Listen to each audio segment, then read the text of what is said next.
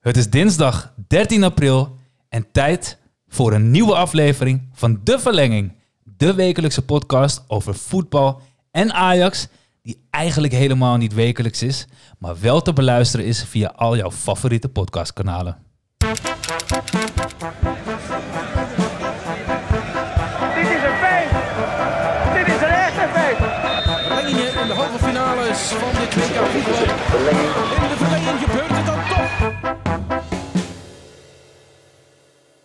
Yes, yes. Daar zijn we dan. Dinsdagavond. Mijn klok geeft eh 12 minuten over 10 aan. Dat wil zeggen dat het een latertje is. Ehm, maar desalniettemin gaan we er gewoon een, eh, een hartstikke lekkere aflevering eh, van maken. En dat terwijl er nu momenteel gevoetbald wordt. Paris Saint-Germain tegen Bayern München. Een knaller van een wedstrijd. Maar hier aan tafel is het ook vuurwerk. Want ik heb twee ongelooflijk lekkere kerels bij me. En eh, het zijn eigenlijk geen nieuwe gezichten. Jullie kennen ze. Ze zijn hier vaker. Dus eh Cassief, Ja, wat de introductie, man. Geweldig. toch? Ja, ik, toch? Ik, ik zit gelijk lekker in, eh, in de podcast, kan ik je vertellen. ik wilde vandaag gewoon even mijn appreciation eh, uiten. Dus daarom, eh, daarom, daarom strooi ik een beetje met complimentjes jullie kant op. En eh, die complimentjes gaan ook dus naar iemand anders hier aan tafel. En dat is eh, Jelani. Yo, ja, lekker gezellig. Ja man, ja man. Hey, eh, ik ga jullie zoals, eh, ja, zoals gebruikelijk ga ik jullie natuurlijk vragen eh, hoe het is. En ook deze keer zijn de spelregels weer dat jullie het niet mogen hebben over het weer. Dus eh Cassief, brand los. Ja, nee, met mij gaat het wel goed eigenlijk. Eh, via jou eigenlijk terechtgekomen bij een eh, traject via de overheid... waarbij je allerlei eh, verkorte cursussen kan doen. Dus eh, ja, voordat ik aan mijn nieuwe baan ga beginnen... ben ik lekker eh, mezelf eh, aan het opleiden. Dus eh, zo hou ik mezelf bezig en, eh, en van de straat. En voor de rest zijn we gewoon een beetje aan het trainen. Nice. Ja, Lekker man. dus het gaat goed. Mooi man. Dit, eh, dit doet me goed om dit te horen, deze Goed Nieuws Show. En eh, ja, dat werkt natuurlijk eh, super inspirerend. Hey eh, Jelani, hoe gaat het met jou, Gap? Gaat goed, gaat goed. Eh, een beetje, energie is een beetje laag. Ramadan is begonnen voor mij.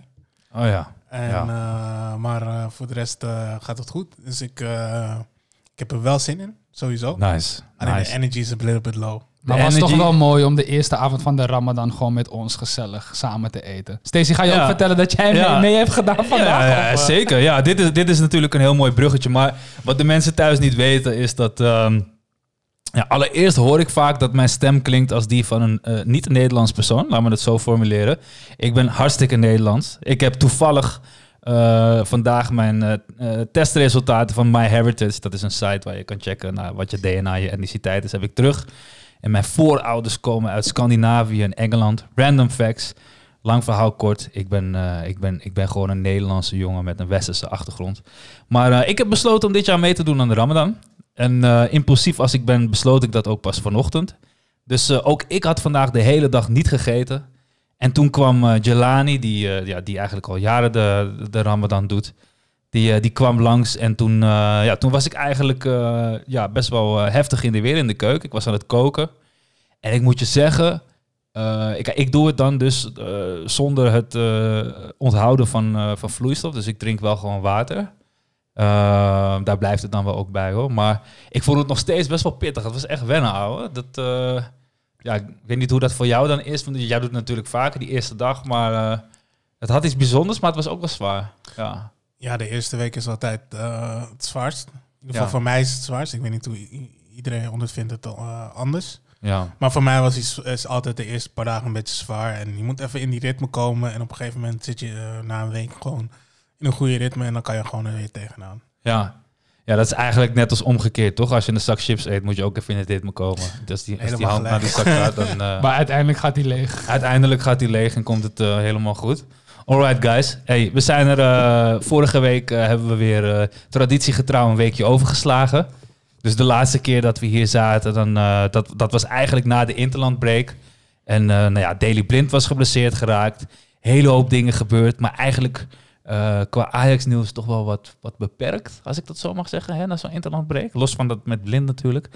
Maar nu is er hartstikke veel gebeurd. We hebben de Europa League gehad. Eh, we zijn weer een wedstrijd dichter bij het kampioenschap. Eh, en er staat natuurlijk een hele belangrijke wedstrijd, of belangrijke wedstrijden voor de deur. Want de Europa League komt er weer aan en we, we gaan ook nog eventjes naar Rotterdam om een bepaalde prijs op te halen. En dat is de, de KNVB-beker. Ehm, maar voordat we het daarover gaan hebben, gaan we even een rondje langs de velden doen. Chief, jij vertelde mij dat je iets, eh, iets, eh, iets leuks mee hebt genomen. Dus eh, brand los. Ja, het is gewoon. Het gaat om een speler in dit geval in combinatie met de club waar hij nu voor speelt. Maar om te beginnen bij de speler. Verguisd, uitgelachen, belachelijk gemaakt. Was altijd het eeuwige talent. Drenthe. had gekund, had gekund. Maar nee, Jesse Lingard. Um, natuurlijk bij Manchester United heel lang gezeten. Daar ook opgeleid. En verhuurd aan West Ham United. En doet het echt ongelooflijk goed. West Ham United staat ook vierde op dit moment. En Jesse ja. Lingard speelt echt uh, het beste voetbal uit zijn leven. Nice. Eigenlijk wat men altijd al dacht dat hij kon, doet hij nu ineens. En uh, ja, ik, ik, ik, ik gun het hem gewoon omdat hij zo erg is uitgelachen en belachelijk is gemaakt in zijn tijd bij United. Um, heeft nu in uh, negen wedstrijden acht keer gescoord en vier assists. Zo. Nogmaals, West Ham staat vierde. En hij gaat gewoon super lekker. En ik vind hem ook gewoon een hele sympathieke guy. Dus ik gun het hem ook gewoon van harte. En ja, West Ham is gewoon de club in Engeland met de gekste hooligans. Gekste rivaliteit met Millwall. En uh, ja, ik heb toch altijd wel een beetje een zwak voor West Ham gehad. Maar ik wist helemaal niet dat dat een ding was, joh. Dat, dat, dat Lingard uitgelachen werd. En uh, ik weet wel dat het een talentje was die voor mijn gevoel een beetje stil stond in zijn ontwikkeling. Maar de uitgelachen en zo, dat is echt volledig langs mij Ja, op social media voornamelijk werd hij echt altijd belachelijk gemaakt. Ze noemen hem ook Messi Lingard, zeg maar, gekscherend. Dus uh, ja, en nu, nu doet hij die naam eer aan, want hij speelt de pannen van het dak. En uh, hij is mede verantwoordelijk voor uh, voor de vierde plaats die ze nu hebben. Dus ik vond dat zeker even het, de mention waard, zeg maar. En ook gewoon om even aan te geven, guys, dat voetbal... Het gaat ook om zelfvertrouwen. Je moet gewoon lekker in je vel zitten. Je moet uh, uh, gewoon lekker vrij kunnen spelen. En als dat niet het geval is, dan kan zelfs een goede voetballer zoals Lingard gewoon niet uit de verf komen. dus ja, zelfvertrouwen is key, denk ik. Ook met voetbal. Nice. Ja. Nice. Nou ja, mijn rondje langs de velden is niet per se actueel, maar ik, ik, ik, was vandaag op Instagram en toen zag ik een Instagram-post waarop Lionel Messi in een, in een kamer bij hem thuis zit. En dan zie je eigenlijk alle shirts die hij door zijn carrière heen verzameld heeft, zie je een soort van uitgestald. En ik deelde dat ook op mijn Instagram, misschien dat jullie dat in mijn, in mijn verhaal hebben gezien vandaag. En er zaten een paar Ajax-shirts tussen, vond ik leuk om te zien. Er zat een shirt tussen, als ik me niet vergis, van Suarez. En sowieso zaten er ook een shirt tussen van, van Riedewald en van Boylissen. Uit de befaamde Frank de Boer tijd, waarin wij eigenlijk elk jaar in de Champions League of Real Madrid of Barcelona loten. Vier jaar op rij. Um, en dat vond ik mooi om te zien, want weet je, je zal maar Lionel Messi zijn en een, en een shirt van Nicola Boylissen in, je, in, je, in, in, in die kamer hebben hangen. En dan vraag ik me toch af, tussen dat hele rijtje waarin Suarez stond, waarin Philip Laam stond en, en dat soort namen. En ook eh, Messi zelf met een bepaalde achtergrond, een, gewoon een legend. Dan vraag ik me toch af, is Boylissen het shirtje dat het eerst weggaat, dat het vol is? Wat denk ja, goede vraag. Zou hij nog weten wie hij is überhaupt? Nee. Nee, nee toch? Nee.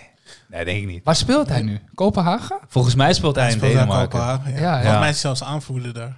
Ik, oh. ik las een interview van hem volgens mij een tijdje terug... dat hij echt uh, boos was op Ajax. Hoe ze met hem om zijn gegaan. Maar guys, help me even. Maar als ik me het goed herinner... was hij onze aanvoerder. Wilde hij zijn contract niet verlengen... terwijl hij alleen maar geblesseerd was... Nou, en toen is hij uiteindelijk volgens, weggegaan. Volgens mij bedoelen ze ook echt op het moment dat hij niet zijn contract wou verlengen. Want in die tijd was het nog wel eens zo, als je niet je contract verlengde... Was ging je naar de tweede, aan, ja. ja. Ging je naar je ja. Kijk, volgens mij was hij niet de aanvoerder, maar heeft hij wel eens de band omgehad. Maar wat volgens mij de situatie met Boylissen was, is dat hij begon echt als een komeet. Hij maakte echt een, echt een hele goede, sterke indruk.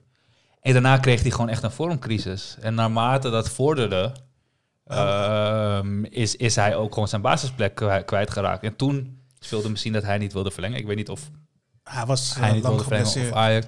Dat ook. Uh, maar uiteindelijk is hij gewoon minder goed gaan presteren. En kijk, laat, laat één ding voorop staan. En ik ga het toch een keer zeggen hier in de podcast. Pardon. Um, Ajax is... Er wordt gezegd dat Ajax een killerclub is. Uh, een koude club. We weten inmiddels dat Ajax qua marketing en qua hoe ze met bepaalde mensen omgaan, uh, zeker uit het eerste, dat dat wel meevalt. Maar ik weet ook uit first hand hoe Ajax aan de achterkant kan zijn. En ik wil zeker in een podcast over Ajax daar niet te veel over speculeren.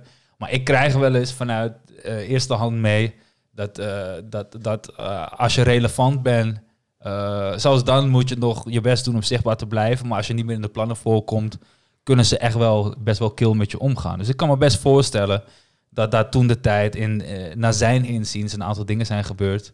ehm, eh, nou ja, waar, waar, waar hij zich niet prettig bij voelt. Maar laten we wel zijn, als je als jonge voetballer niet presteert, ehm, heb je twee soorten voetballers. Degene die eerlijk tegen zichzelf zijn en degene die niet eerlijk tegen zichzelf zijn. En wie weet is Boilers ook wel niet eerlijk tegen zichzelf geweest. Want ja, hij, hij heeft nu uiteindelijk via een omweg de top in Denemarken bereikt. Alleen we hadden hem toch eh, verder zien komen.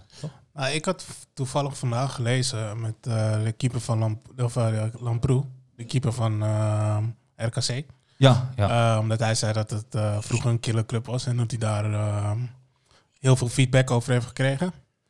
En, eh, ik vind dat je dat mooi verwoordt. Ja, ja, ja, feedback. Ja, toch wel. eh, maar dat, dat hij dat in zijn tweede periode dat hij wel zei van ja, ik, ik vond het een hartstikke warme club. En eh, ze hebben wel eh, eh, laten zien dat ik eh, gewoon om eh, eh, in de nacht gewoon iemand kan bellen en zo. Om eh, voor, voor een vraag. Voor een nakkie. Ja, of, of zoiets, ja, weet je. Maar ja. ja, volgens mij eh wou Onana niet leveren, dus... eh, Ja. toch eh, Too soon? Too soon? Oké, oké, nou ja. Ja, nee, nee. Ik, ik, ik keur hem goed. Oké. ik keur hem goed. Nee, je, ziet wel, je ziet wel wie er aan de koffie zit, hè? Hier Ja, zo, eh. Scherp hoor, heel scherp guys. Nee, maar denk je ook niet, Jay, dat het misschien is omdat toen kwam hij net uit Griekenland. is natuurlijk een heel ander land, heel andere cultuur. Kwam hij in Nederland als jonge jongen. En dan heb je hem misschien een heel ander referentiekader. Maar nu heeft hij in Nederland al bij een stuk of drie, vier clubs gezeten. Heeft hij wat meer vergelijkingsmateriaal voor Nederlandse standaard misschien. Dat hij dan denkt van, oh, Ja, misschien was het dan toch niet zo slecht bij Ajax. Ja, ja, zeker. Maar ik heb, ik heb ook het idee dat, dat het in de, ehm, in de jeugd van Ajax wel een killerclub kan zijn. En dat heeft te maken, denk ik, met het feit dat, dat ehm, trainers kunnen zich niet binden aan spelers, want ze kunnen volgend jaar gewoon niet meer zijn. ja. En dat, dat, dat is ook wel gewoon, denk ik, moeilijk voor trainers en zo. En voor eh eh, vice versa is dat ook heel moeilijk. Maar eh, ja, dan kan het gewoon een k- een killer club zijn. En dan kan het gewoon eh, ook gewoon een... eh, er wordt gewoon het uiterste van je gevraagd. En eh, ja, als, als, als jij het niet doet, dan komt er wel een, een, een talentje uit Spanje of, of weet ik veel, uit Denemarken. Of, Ja. ja. Ja, voor je het weet is het, is het voorbij. Maar dat hoort ook wel bij een topclub. Alleen, ja, Ik- de vraag is bij Boilers of het dus aan Ajax lag... of misschien toch ook wel een beetje aan hem lag. Ja, bij, nou ja, hij speelt bij Kopenhagen. Ik denk dat we de vraag al zo beantwoord hebben dan. Ja, ja, alright. Hey, ja, echt, ja, toch We of niet? Ja, laten we eerlijk zijn. Ja, Ja, niet, niet te lang bij stilstaan is verleden tijd. Huppa, doorpakken. Hey, eh, ik wil nog even één dingetje aankaarten. Want ik zei net al in de, in de intro, die ik wel een aantal keer over moest doen trouwens. Maar ik zei in de intro dat eh, eh, Paris Saint-Germain vandaag speelt tegen, tegen eh, Bayern München. Ehm, ik denk dat iedereen die deze podcast op dit moment nu luistert, of die hier aan tafel zit, met mij eens is, dat dit regelrechte reclame voor het voetbal is. Deze, deze twee wedstrijden. Waar wij zien nu inmiddels ook die tweede pot hier, maar die eerste wedstrijd was fantastisch. Sowieso. ja, Ja, die tweede ook hoor, vind ik. Ja, ja. Eh, iets minder. Ik, ik, in ieder geval, ik- we hebben nu alleen de eerste helft gezien. Ik weet Ja. niet, ze zijn nu eh, op dit moment bezig met de tweede helft. ja. Maar eh, vanuit de eerste helft eh, gezien had Par- Paris misschien de meeste kansen. Ja. Al is Bayern op voorsprong gekomen. Maar Ja. wat, wat, wat een wedstrijd. Ik zeg je eerlijk, dit is denk ik in mijn optiek een van de beste wedstrijden van het, van het seizoen. ja. En ja, we moeten ook bij stilstaan dat het ook gewoon de finale van vorig jaar was. Ja, dat, dat ook natuurlijk. Ja, Dus, eh, ja ik ben alleen één, één ding, Stacey, aan, aan wat je net zegt. Is dat je zei reclame voor het voetbal. Ik ben het er deels mee eens. Waarom? Hoe Paris zeg maar speelde. eh, met acht man, eh, of nou ja, misschien zelfs meer. Gewoon met elf Ja. man op eigen helft. Alleen maar op de counter spelen. Ja, dat is geen reclame voor voetbal van mij. Het is, een- was een mooie wedstrijd, want Bayern wil volgas aanvallen. En ja. Paris eh, super gevaarlijk op de counter. Eh, dat maakt het een mooie strijd. Maar reclame voor het voetbal ja. vind ik niet dat dat een team is dat zich zo compleet ingraaft als hoe Paris zich ingroef de eerste wedstrijd. Ja, en, en je, ik denk ook dat Paris Saint-Germain, als je eerlijk bent, op een bepaalde manier deze selectie hebt kunnen samenstellen. Met een bepaalde hè, bron van financiering. eh, die in zekere zin ook enigszins discutabel is. In ieder geval geen reclame voor het voetbal is. Als je spelers voor 200 miljoen kan kopen. Maar ik vind gewoon dat op dit niveau met dit soort namen en dan zo'n open wedstrijd, want ongeacht of er gecounterd werd, eh hè, whatsoever, was het, was het echt een open wedstrijd. Kansen op en neer. Ehm, en dan is het misschien juist ook mooi dat niet de beste wint. Want dat, dat maakt het nog meer sport dan het eigenlijk al, al is, weet je. En dat vond ik, ehm, ja, dat vond ik nice, man. En dan, en dan zeker ook als je dan, hè, je, kijkt bijvoorbeeld naar die finale. Dat vond ik echt, echt, echt een draak van de wedstrijd. Die Champions League finale. Ehm, nou ja, die eerste wedstrijd nu was top. En dan is het altijd nog maar de vraag, oké, is dit eens in de zoveel tijd? Of is dit gewoon wat je krijgt als je deze twee teams tegen elkaar hebt nu? En ja, vandaag weer. Gewoon kansen over en weer. En dat, dat ja, ik weet niet, dat, eh, ja, ik, ik vind het fantastisch. Ja. Ja. Hebben jullie een eh Favo, een van de twee, die door moet gaan? Ja. Moeilijk. Wauw. Ik, Ik- eh, Ja. ik, ik denk, nadat wat ik heb gezien, eerste helft, gewoon Neymar deed zoveel gekke dingen. Oh ja, da- kunnen we daar nog even over hebben? Maar- Over Ja. Neymar en Mbappé in de eerste helft net. ja. Natuurlijk, als mensen dit luisteren, is er al een tweede helft geweest, is de wedstrijd al voorbij. Maar we hebben net de eerste helft gezien en eh, ja, dat zijn wel... Ik zag vleugjes Ronaldinho eventjes bij Neymar. Ja, Net. Achter zijn stambeen in de verre hoek proberen te krullen tegen de lat. Dat was gewoon een beetje die actie van Ronaldinho tegen Chelsea. Dat die bal stil lag, dat hij even met zijn heup zo... ja. het die schijnbeweging en uit stand Stilsta- punten ja. die hem... Oh mijn god, ja, dat is voetbal toch, boys? Daarom kijken we voetbal, toch? Ja, man. Ja, ik, Ja. Vind, ik, vind, ik vind echt sowieso Paris Saint-Germain qua voorhoede is, is, is, is prachtig. Toch zou, zou ik altijd het, het Bayern nog net iets meer gunnen in dit geval. Of zo. Ik, op een of andere manier heb ik het niet zo op het imago van clubs als PSG, ehm, Chelsea misschien, Manchester City. Ja, gewoon het Eh, oliegeld eigenlijk. Ja, ja. En, en ik heb niks tegen oliegeld hoor. Ik bedoel, als er nu een olieshack luistert en hij denkt, yo, ik geef die guy 2 miljoen kill, ik kom het halen man, lopend. Maar op een of andere manier qua, qua voetbal en qua teams heb, heb ik het er gewoon niet zo mee. En dat, en dat blijft toch altijd in die nasmaak zitten. Kijk bijvoorbeeld Manchester City.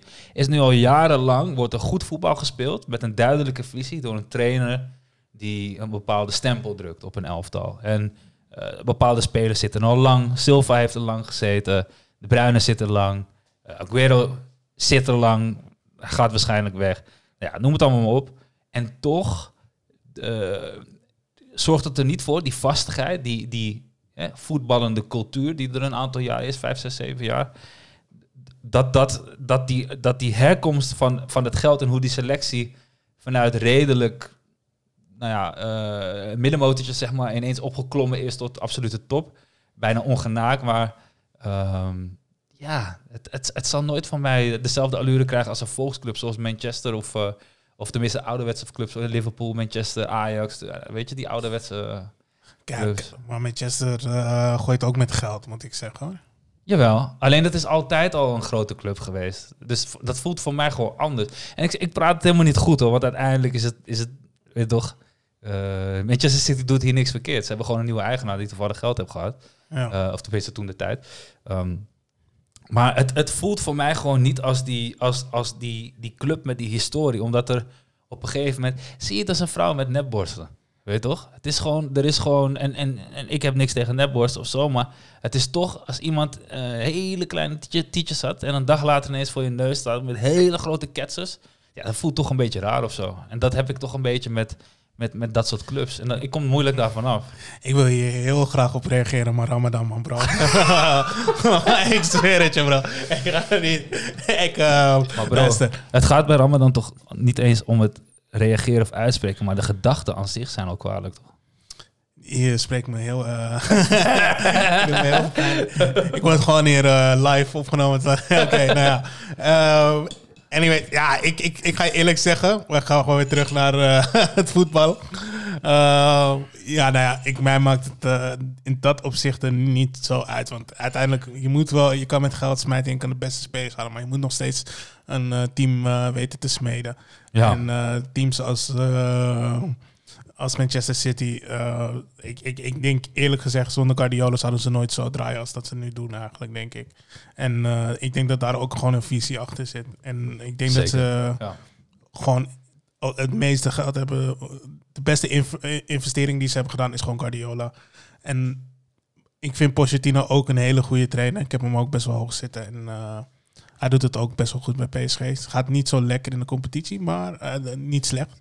Maar des te meer, Jelani, als je zoveel geld hebt, waarom ga je dan met elf man verdedigen?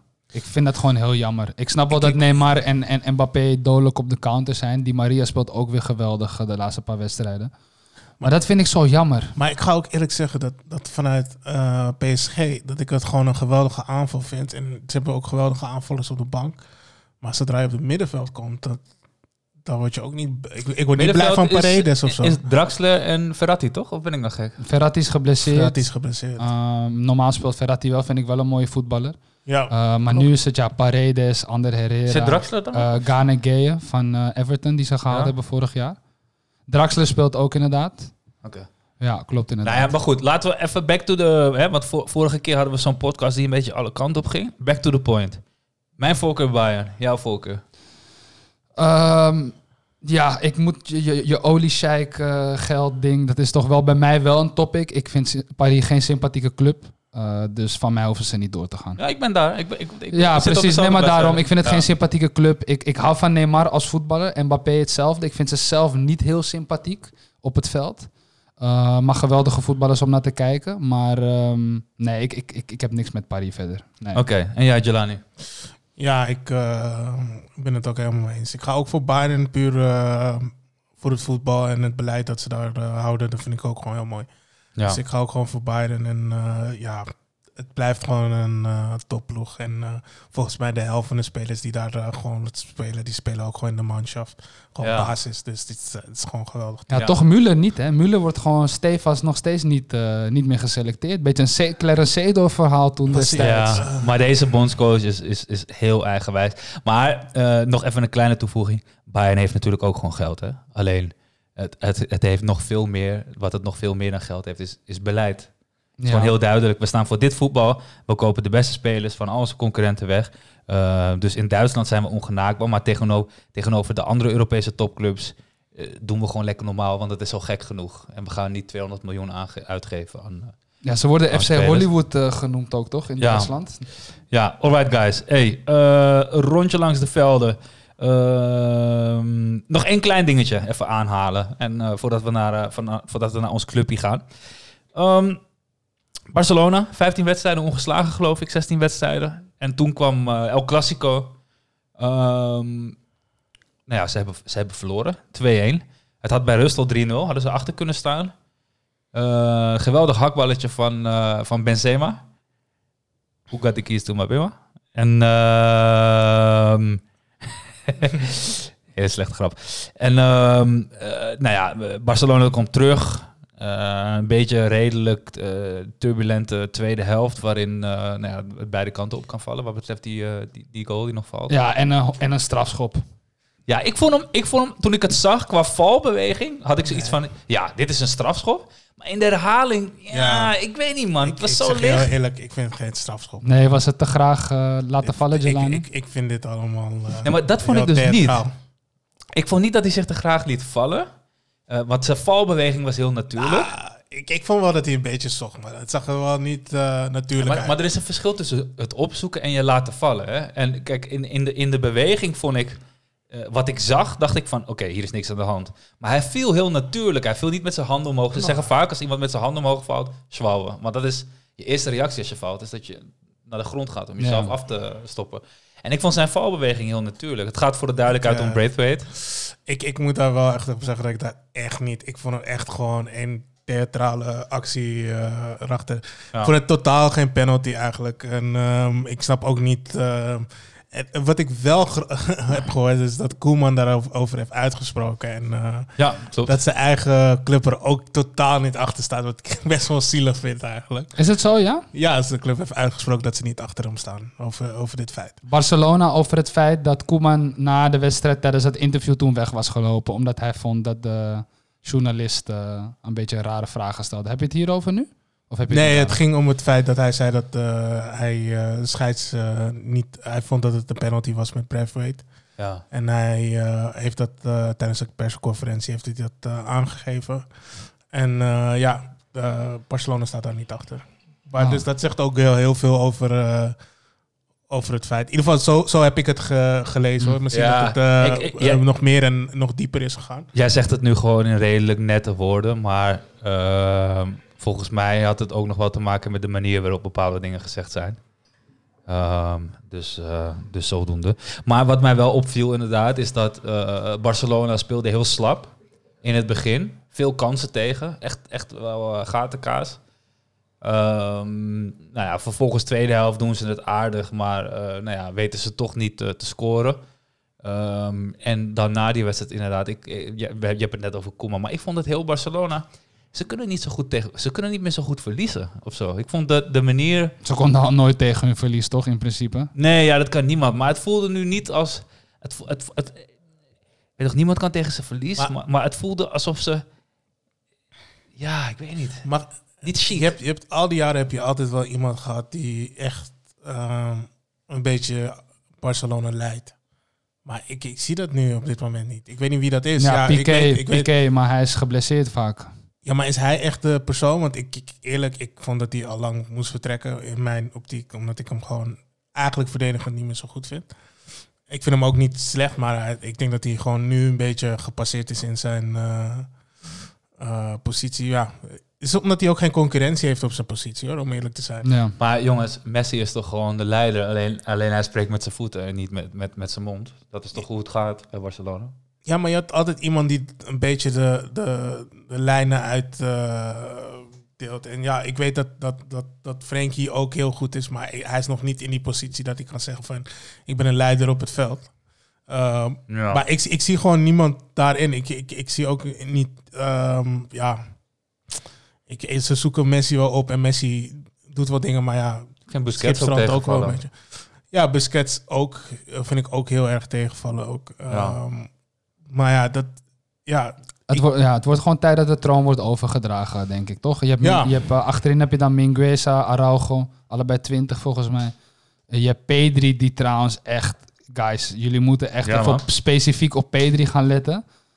Het is zo'n geweldige voetballer. Dat is echt hij, absurd. is ook, ehm, hij heeft ook voor Spanje gespeeld, hè? Afgelopen Ja, klopt inderdaad. Ja. En Ansu Fati is natuurlijk ook geblesseerd, boys. Dat moeten we ook niet vergeten. Dus ik denk dat de nieuwe leiders van Barça staan wel klaar.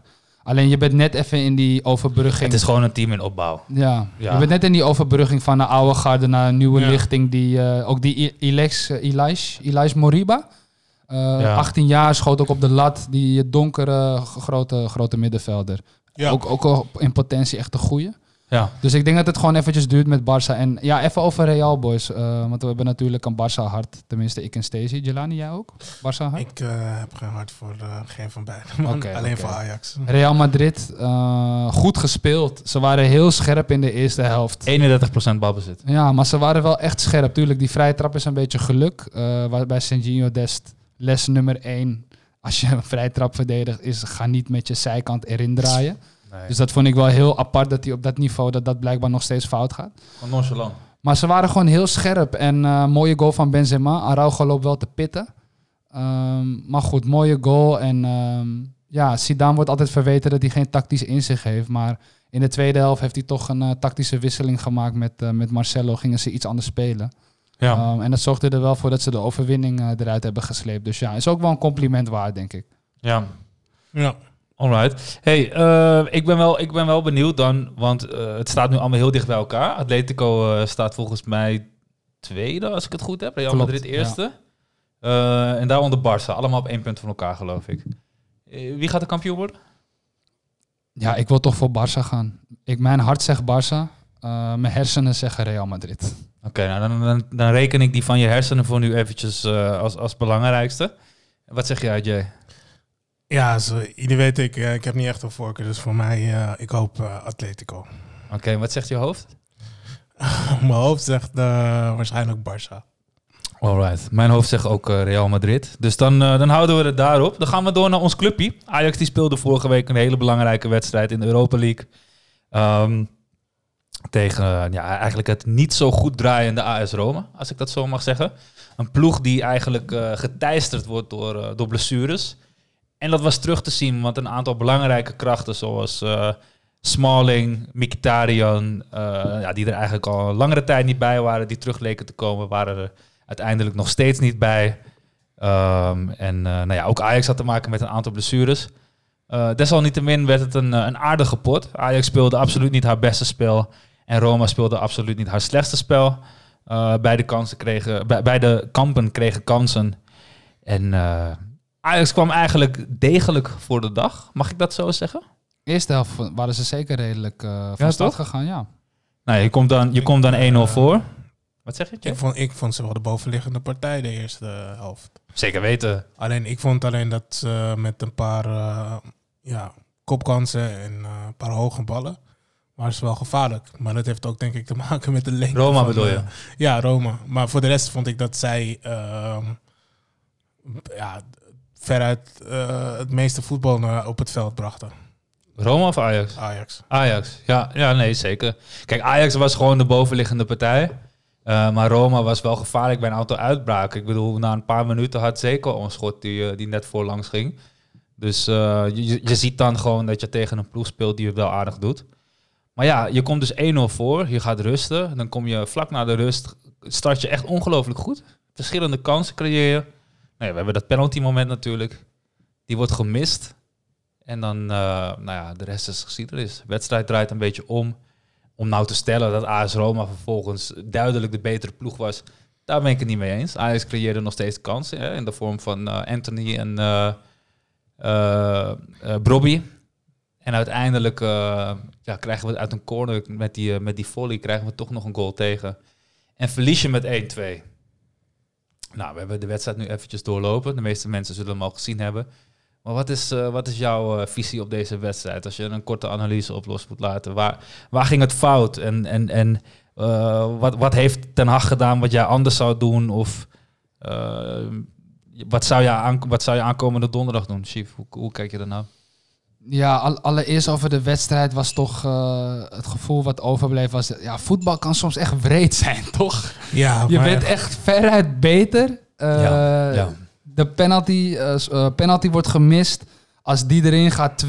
En ik denk, ik weet zeker dat het daarna 3-4-0 was geworden. We zaten er lekker in. Tweede helft goed begonnen. En eh, ja, soms is dat gewoon voetbal, guys. En het heeft verder niks te maken met, eh, met Ten Hag bijvoorbeeld. Ik moet zeggen dat ik de laatste paar weken niet zo heel veel op hem aan te merken heb. Ehm, al moet ik zeggen dat ja, als er veel blessures zijn, dan zijn de opties ook minder. Dus dan ga je al snel wat meer logische keuzes maken. dus wat dat betreft wil ik hem ook niet per se extra props daarvoor geven. Maar eh, ja, scherpe jongens. Eh, ik bedoel, weet je, Manuel Neuer heeft veel blunders gemaakt. Heel veel jonge keepers maken blunders. Worden daarna wereldkeepers. Maar dit was toch wel echt een ketser van je welste hoor. Die, blunder van hem. Echt absurd. Ja, weet je, wat mijn gevoel een beetje was, is dat... ehm, we moeten niet vergeten dat deze jongen van Emmen komt. En hij heeft nu al best wel lang bij Ajax, in, het, in, in jong Ajax kunnen rijpen. Alleen deze jongen is, is 19, 20, zoiets? Inmiddels al 21. 21. Deze jongen, die, die, die leeft niet met de state of mind. Dat hij toffer, beter, whatsoever is dan de rest. Het lijkt me een hele nuchtere jongen. Als ik, als Amsterdammer... En ja, ik ben gewoon daar een arrogante Amsterdammer. Als ik ergens een ruimte binnenloop, ergens aan de an- andere kant van het land... dan denk ik oprecht dat ik de tofste jongen ben. En, en, dat is een bepaalde mentaliteit... eh, die je niet alleen als Amsterdammer hebt, maar ook als Ajax ziet. Omdat je de hele jeugd toch gewend bent om op een bepaald niveau te acteren. Ja, waarom zeg ik dit? Omdat de- deze jongen, het wordt, het wordt hem ook, eh, het wordt hem bijna een soort van aangepraat. Dat, dat, dat, dat- hij het moeilijk gaat krijgen op de positie die hij heeft. Voor die wedstrijd zei volgens mij jij, Chief of Jelani. Een van de twee stuurde mij, ik hou mijn hart vast omtrent scherpen. Ja, dat was ik, ja. Ja, terwijl eigenlijk heeft hij nog helemaal niet zulke hele rare dingen of ketsers laten zien in, in het eerste. En toch hebben we dat gevoel. En ik denk dat voor zo'n jongen uit Emmen die dan nu naar Ajax komt en dan krijgt hij één kans tegen, tegen Herenveen geloof ik speelt hij. En daarna meteen kwartfinale Europa League, superbelangrijke wedstrijd. Ga er maar staan, weet je. En, en, en ik had het gevoel dat, dat, dat ondanks dat hij die, eh, die eerste helft die bal heel goed pakt, dat, dat dit heeft gewoon met spanning te maken. Ik kan me niet voorstellen dat dit puur een, een, een, fysiek, een fysieke reactie is in een bal verkeerd analyseren, te vroeg in de hoek liggen en dan grabbelen. Dit, dit moet spanning zijn. Die jongen is gewoon spannend. Hele wedstrijd gespannen geweest, denk ik. Ik ben het eh, helemaal met je eens. Eh, in dit geval eh, denk ik dat Scherpen gewoon ja, nog niet dat, dat ja, de fearless gevoel heeft dat hij, dat hij een wedstrijd kan overnemen en het zelf kan dragen. Maar dat, dat, dat had Onana eigenlijk ook niet. In het begin, ik wist nog dat in zijn eerste vijf wedstrijden dat hij precies zo'n ketser had gemaakt. Ja. Eh, in het midden van de goal ook, ook zo'n ketser, ook in zijn eigen eh, goal laten gaan. Volgens mij onder zich. Ik moet het even nadenken welke wedstrijd het allemaal is. Ja, het scheen vooral bij jong Ajax zo te zijn, toch? Dat die Ja, maar dit eh, was wel echt het begin van het eerste elftal. Dat, Ah. dus hij was ook heel aan het grabbelen aan het begin in de eerste wedstrijden. Maar als je nu ziet hoe hij gegroeid is, dat, dat, dat is abnormaal. Ik denk dat niemand had gedacht dat hij zo goed zou zijn als hij nu is, Nee. Onana. En ik, en ik heb het gevoel bij het scherpen dat het ook wel goed komt. Denk ik dat hij het niveau van Onana gaat halen? Ik denk dat weer niet. Dat denk ik ook weer niet. Want Onana is gewoon denk ik een speciaal geval daarin. Ja, zijn motoriek, zijn, zijn Ja. wendbaarheid, zijn snelheid. Dat En is ook wel inzicht ook in het spel. En ook, ook, ook het meevoetballende gedeelte. Dat vind ik ook echt heel goed. Want dat zie je bij Scherpen ook. Dat dat, eh, al moet ik wel zeggen dat hij een hele goede uittrap heeft, eh Scherpen. Ja, het is beter geworden. Ja. Dat, eh, En, en ik heb hem gezien bij Jong Oranje. Ik, ik, vond, ik vond hem daar wel wat overtuigender. En ik Deed vond het hem goed. ook... Ja, hij Ja. deed het goed. En ik had ook niet verwacht dat hij eigenlijk basis Maar- zou staan. daar. Maar dat is dus dat verhaal. Want daar zit hij tussen leeftijdgenoten. Met wie hij eigenlijk al waarschijnlijk door de jaren heen in de doorlopende, eh, representaterende, hoe noem je dat? De, de vertegenwoordigende jeugdaltallen heeft Ja. gespeeld. En eh, ondertussen gaat mijn, eh mijn vaatwasser maakt echt een heel raar geluid. Dus mocht de boel straks ontploffen, dan weten jullie dat wij er niet meer zijn door een vaatwasser. Mama, I love you. Ja. Maar eh, nee, ja, in het eerste was die indruk heel anders. Maar ehm, ik denk dat het ook... Kijk, het- dit komt in alle podcasts, talkshows, noem het allemaal op. Is dit al uitvoerig besproken.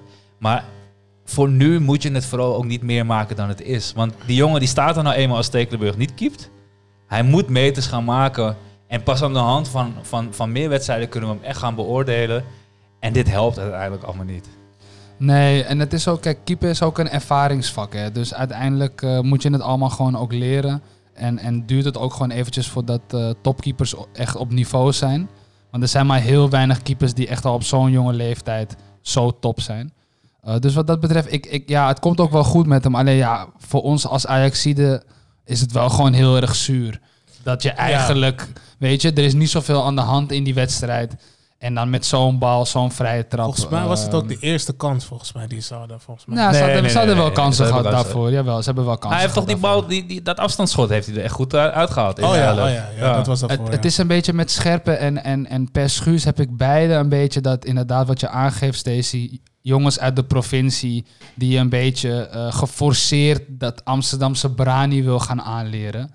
Of je hebt het, of je hebt het gewoon niet. En Ja. ik, ik, ik, ik vind het lastig, ik vind het lastig. Ik ben in ieder geval blij, we hadden het net even over Onana. Eh, ze zijn bezig, schijnt, om zijn contract te verlengen. Vier jaar, hè? Eh, waarschijnlijk, ja, tot 2025. ja, dat heb ik ook gehoord. Dat zou wel echt fantastisch zijn als dat, eh, als dat Ja. zou lukken. Ik, zou, ik had dat niet verwacht in ieder geval. Maar- ik, ik, verwacht het in ieder geval niet. Als je, als je ook kijkt vanuit... stel je voor dat hij dat zou doen. Hè? Kijk, dan is er sowieso een afspraak. Hey, na, na, na een jaar of zo mag je weer weg. Voor een bepaald voor bedrag. een bepaald bedrag. Ja. Maar zelfs al blijft hij. Die jongen is tegen die tijd dat hij zijn contracten uitdient. Is hij 26 of zo? Heeft hij nog zeker 10 jaar voor zich als keeper. Dus je hebt nog een hele carrière te gaan, joh. Die jongen die, die, die, die, die hoeft zich echt niet druk te maken. Zoals bijvoorbeeld een, een Talja Fico dat moet doen. Waarvan ik overigens ook heb begrepen dat ze bezig zijn met contractverlenging. Maar kijk, die is 28. Dat is andere koek. Die zit in de prime van zijn carrière. Dus die wil die stap wel maken als het kan. Maar voor, voor, eh, voor Onana ligt het anders. Oké, ehm, enige wat ik nog kwijt wil, want we, we, we moeten de structuur een beetje aanhouden. Eh enige wat ik nog kwijt wil over Scherp is dat ik het heel goed vond om te zien dat hij na die ketser overigens eerst nog eventjes een puta madre leek hij te, te, te roepen. Wat ik heel random vond. Identiteitscrisis, jongens. Hij- ik zeg het hij- ja, Chielito. Maar het, het, het leek wel alsof hij eh, redelijk nuchter ermee omging. Ik vond niet dat hij daarna extra onzeker in het veld stond. Eh, en dat vond, ik, dat vond ik goed om te zien. Ehm, dus dat is, dat is netjes. Nou ja, ander ding wat mij heel erg opviel in deze wedstrijd is dat eh, ehm, Ajax eigenlijk heel erg eh, geduldig leek te voetballen. De eerste helft absoluut niet die wervelwind die het kan zijn. Zeker met Europese thuiswedstrijden. Je mist het publiek natuurlijk ook. Maar heel geduldig op zoek naar, hè, naar, dat, naar dat ene momentje. Naar dat momentje kwam. Ja, toen kwam die penalty. Eh, uiteindelijk is dat natuurlijk eh, vervelend dat, je, dat die bal er niet in gaat en dat je dan zo'n bal tegenkrijgt. Maar zelfs daarna werden gewoon kansen gecreëerd, maar niet eh, aanvallen met de deuren absurd open. Dus uiteindelijk uit een, uit een corner is, is het tegengescoord. Die die wel echt heel goed inschiet hoor. Ja, fantastisch. Zo. 9 van de 10 keer ziet je hem over, zo'n bal. En hij raakt hem gewoon perfect. Maar het, het, het, het deed me goed om te zien dat Ajax wel met een bepaalde mate van geduld ja, speelde. Gewoon best wel volwassen. Alleen ik vond, eh ik vond Neres heel erg tegenvallen. Ja, ik, ik, ik dacht er dus net aan ook dat ik daarover wilde beginnen. Gewoon in, in zijn algemeenheid, los van die wedstrijd. Want hij staat natuurlijk op de nominatie om te vertrekken. Eh, hij speelt al best wel lang bij Ajax en dit is wel een beetje het moment om weg te gaan. Maar wat is er met hem aan de hand? Weten jullie dit? Jelani, wat, wat, Ik eh, wat denk heb je? er wel over nagedacht deze week. En ik dacht eigenlijk bij mezelf van... Ja, het is inderdaad eh, wat jij zegt ook misschien tijd om eh, voor hem eh, de volgende stap te nemen. Ehm, ik denk dat hij echt op zijn beste is op, op rechtsbuiten. En ehm, op, dat moment, op dit moment is Anthony daar gewoon veruit de, de betere speler. Dus hij gaat op rechts daar ook geen kans krijgen. Op links zie ik hem niks gebeuren. Al vind ik hem sowieso uit zichzelf ook niks doen tijdens AS Roma. Want het enige wat ik zag... eh, Ik zag hem niet de één op één zoeken. Ik zag hem alleen de bal weer terugspelen eh, naar de middenvelder. Ik, heb, ik kan me niet herinneren wanneer hij voor het laatst iemand heeft uitgespeeld, een back. Ja, Ja, maar jongens, maar eh, wacht, wacht even. Ik Ja. wil even wat, wat ik daaruit wil zeggen is dat gewoon... Voor Neres is het denk ik wel gewoon... eh, ja, het, het- ik, ik, ik zie hem niet meer... eh, ja, die Neres zijn die hij gewoon één of twee jaar geleden was. ja. En dat vind ik jammer. En ik, ik denk nog steeds, want ik, ik dacht nog aan Liverpool, ehm, Ajax Liverpool. Volgens mij was het Liverpool Ajax, sorry. ehm, dat Liverpool thuis speelde. Toen Ja. speelde hij best wel een goede wedstrijd. Maar toen speelde hij op rechts. En, ik, en toen speelde Anthony niet, want hij was volgens mij geblesseerd of corona of whatever. Eh, ja, klopt. ja, klopt, ja. Liverpool. Hij speelde een hele goede wedstrijd. Hij raakte ik. geblesseerd toch aan het einde van die wedstrijd? Volgens Ja, mij wel, ja. Maar, Maar- hij speelde tegen Lille uit ook volgens mij. En toen speelde hij volgens mij ook heel goed. Ja, dus hij is een beetje aan het schommelen met zijn. eh, Ik denk ook met zichzelf ook. Eh, hij heeft geen basisplaats, of in ieder geval geen vaste basisplaats. En het gaat ook moeilijk worden met eh Haller en eh ehm Tadic, op links. Ja, ja, dus dat gaat ook gewoon heel moeilijk worden. En op rechts heb je Anthony. En ja, daar zitten ze nog steeds mee te dubben. Maar ja, eerlijk, ik, ik denk dat je dan gewoon een keuze moet maken van ja. Volgens mij heeft Ajax ook die keuze gemaakt van hey, we gaan Anthony eh, nemen als vervanger voor Neres. Maar Neres is nooit vertrokken.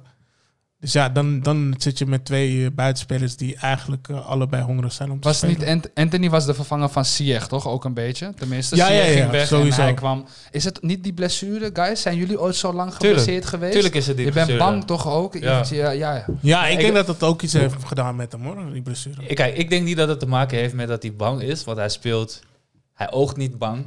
Ik denk dat het gewoon te maken heeft met dat de jongen nog niet eh, eh, het geluk heeft gehad, want, want vorm heeft ook te maken met geluk. Eh, dat hij dat hij gewoon zijn, piek, zijn, zijn vormpiek te pakken heeft. En ik denk dat dat eigenlijk dat het op een gegeven moment gaat komen. Want hij had een periode, een aantal weken geleden, waarin volgens mij dus de, de, uitwedstrijd tegen Lille, als ik het goed heb hoor, maar een van die wedstrijden eigenlijk, nou ja, zeg vorige maand of zo, Europees, speelde die hartstikke sterk. En ehm, ik denk dat het, dat het nu, ja, het gaat slecht, maar ik denk dat het wel weer goed komt met, met Neres. enige waar ik wel mee zit is, overigens denk ik niet dat Neres weg moet of dat hij gehaald is, dat, dat Anthony gehaald is voor Neres. Ik denk dat Ajax gewoon voor zichzelf nu heeft besloten, wij willen gewoon op elke positie, willen wij een, eh, een speler eh, van, van, van Europees subtopniveau hebben. En daartussen, eh, dus als je bijvoorbeeld drie posities voor hebt, willen ze twee spelers achter de hand hebben die die drie posities kunnen opvullen als, als reserve. Eh, en, en met eh Idrissi erbij heb je gewoon vijf spelers. Nou, als je Traoré en Brobby er nog bij neemt, zijn het er zes of zeven van Europees subtopniveau en een enkele Europese topper. En ik denk dat dat gewoon het niveau is dat Ajax nu nastreeft. En als je kijkt naar het feit dat wij in drie competities actief zijn tot, tot ver in april, dan betekent dat dat zelfs de twaalfde of de dertiende man, of zoals Ten Hag het zou zeggen, eh, ja nee, ik heb, eh, ik heb 17 basisspelers. Nou ja, eh, dat is dit, zeg maar. Ik moet wel zeggen dat voor het seizoen begonnen is, en dat bedo- bedoel ik ook voordat ze oefenwedstrijden deden voor het seizoen. En, en ehm was vertrokken. Ehm, toen dacht ik wel van, oké, ehm, het gaat Neres en Anthony worden op de flanken en Tadic in de spits. En ja, omdat ik destijds zag ik nog geen spits bij Ajax lopen die die, die eh, rol zou op zich zou nemen. Ik zag het nog niet zitten in Traoré. Nog steeds niet, denk ik.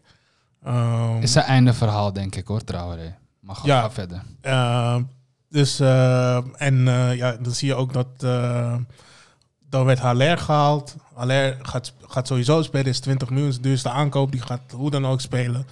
En dan ga je, ga je sowieso schuiven, want Tadic moet ook spelen, dus die komt op links.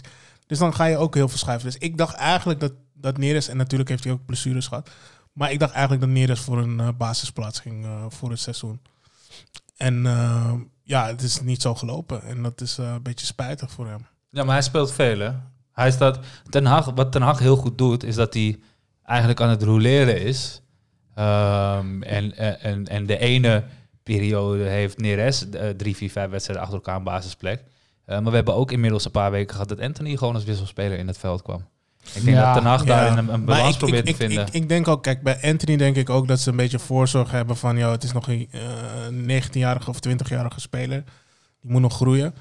Um, en uh, bij Neres um, heb ik meer het gevoel dat hij... Um, eigenlijk moet hij wekelijks spelen, man, om in die ritme te komen.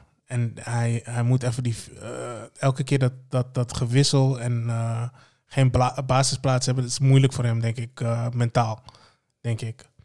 Oh. Maar ja, je, je, komt er ook niet lekker in dan natuurlijk. Ja, elke keer in de, in, gewisseld worden in de 70ste minuut binnenkomen is moeilijker om in die wedstrijd te komen dan. En uh, het verschil maar brengen, dat is moeilijk uh, eigenlijk. Al moet ik zeggen dat je in de Eredivisie wel altijd uh, de bovenliggende partij bent. Ja.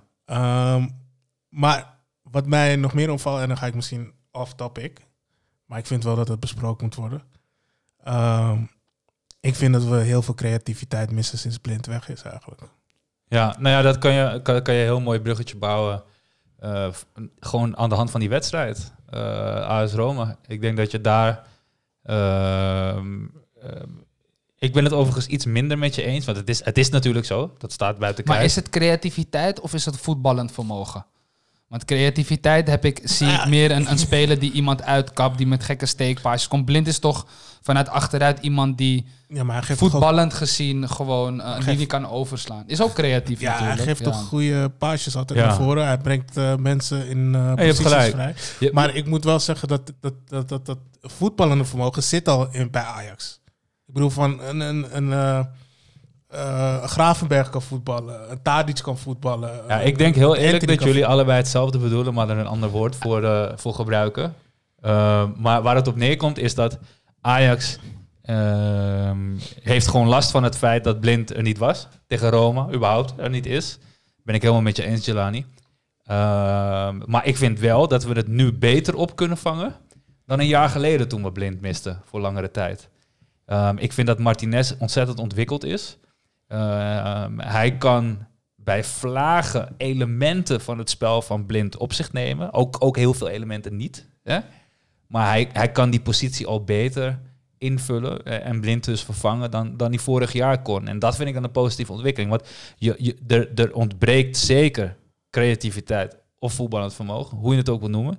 Uh, maar feit is dat je nog steeds genoeg kans hebt gecreëerd tegen AS Roma. Klopt. Toch? Nee, ja. dat is zeker zo. Het is meer dat...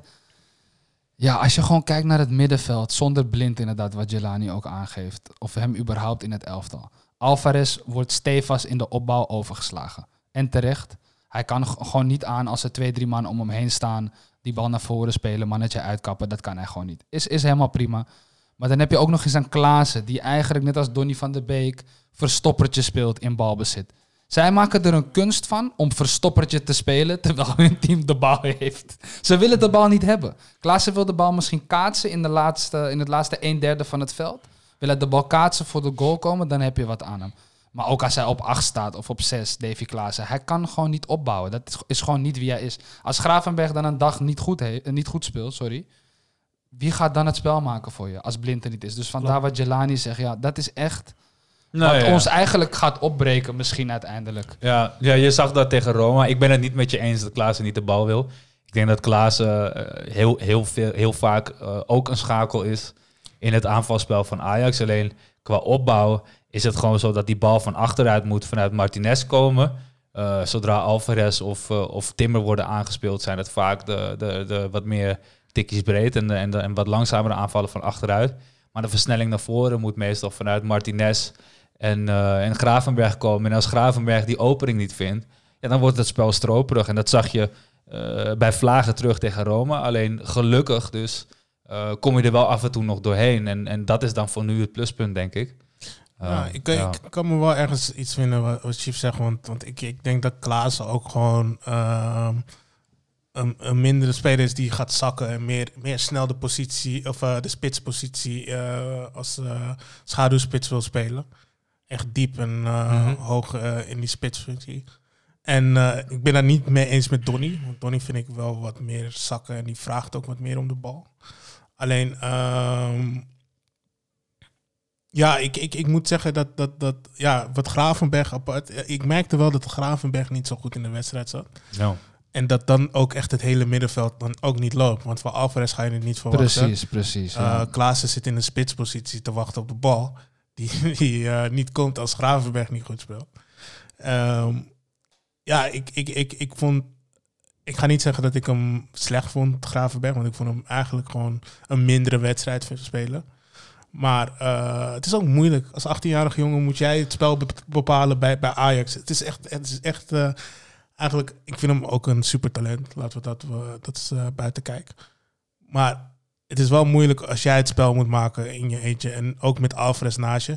En ik moet ook zeggen, om Alvarez de laatste paar wedstrijden ik heb gezien. Speelt hij weer iets minder.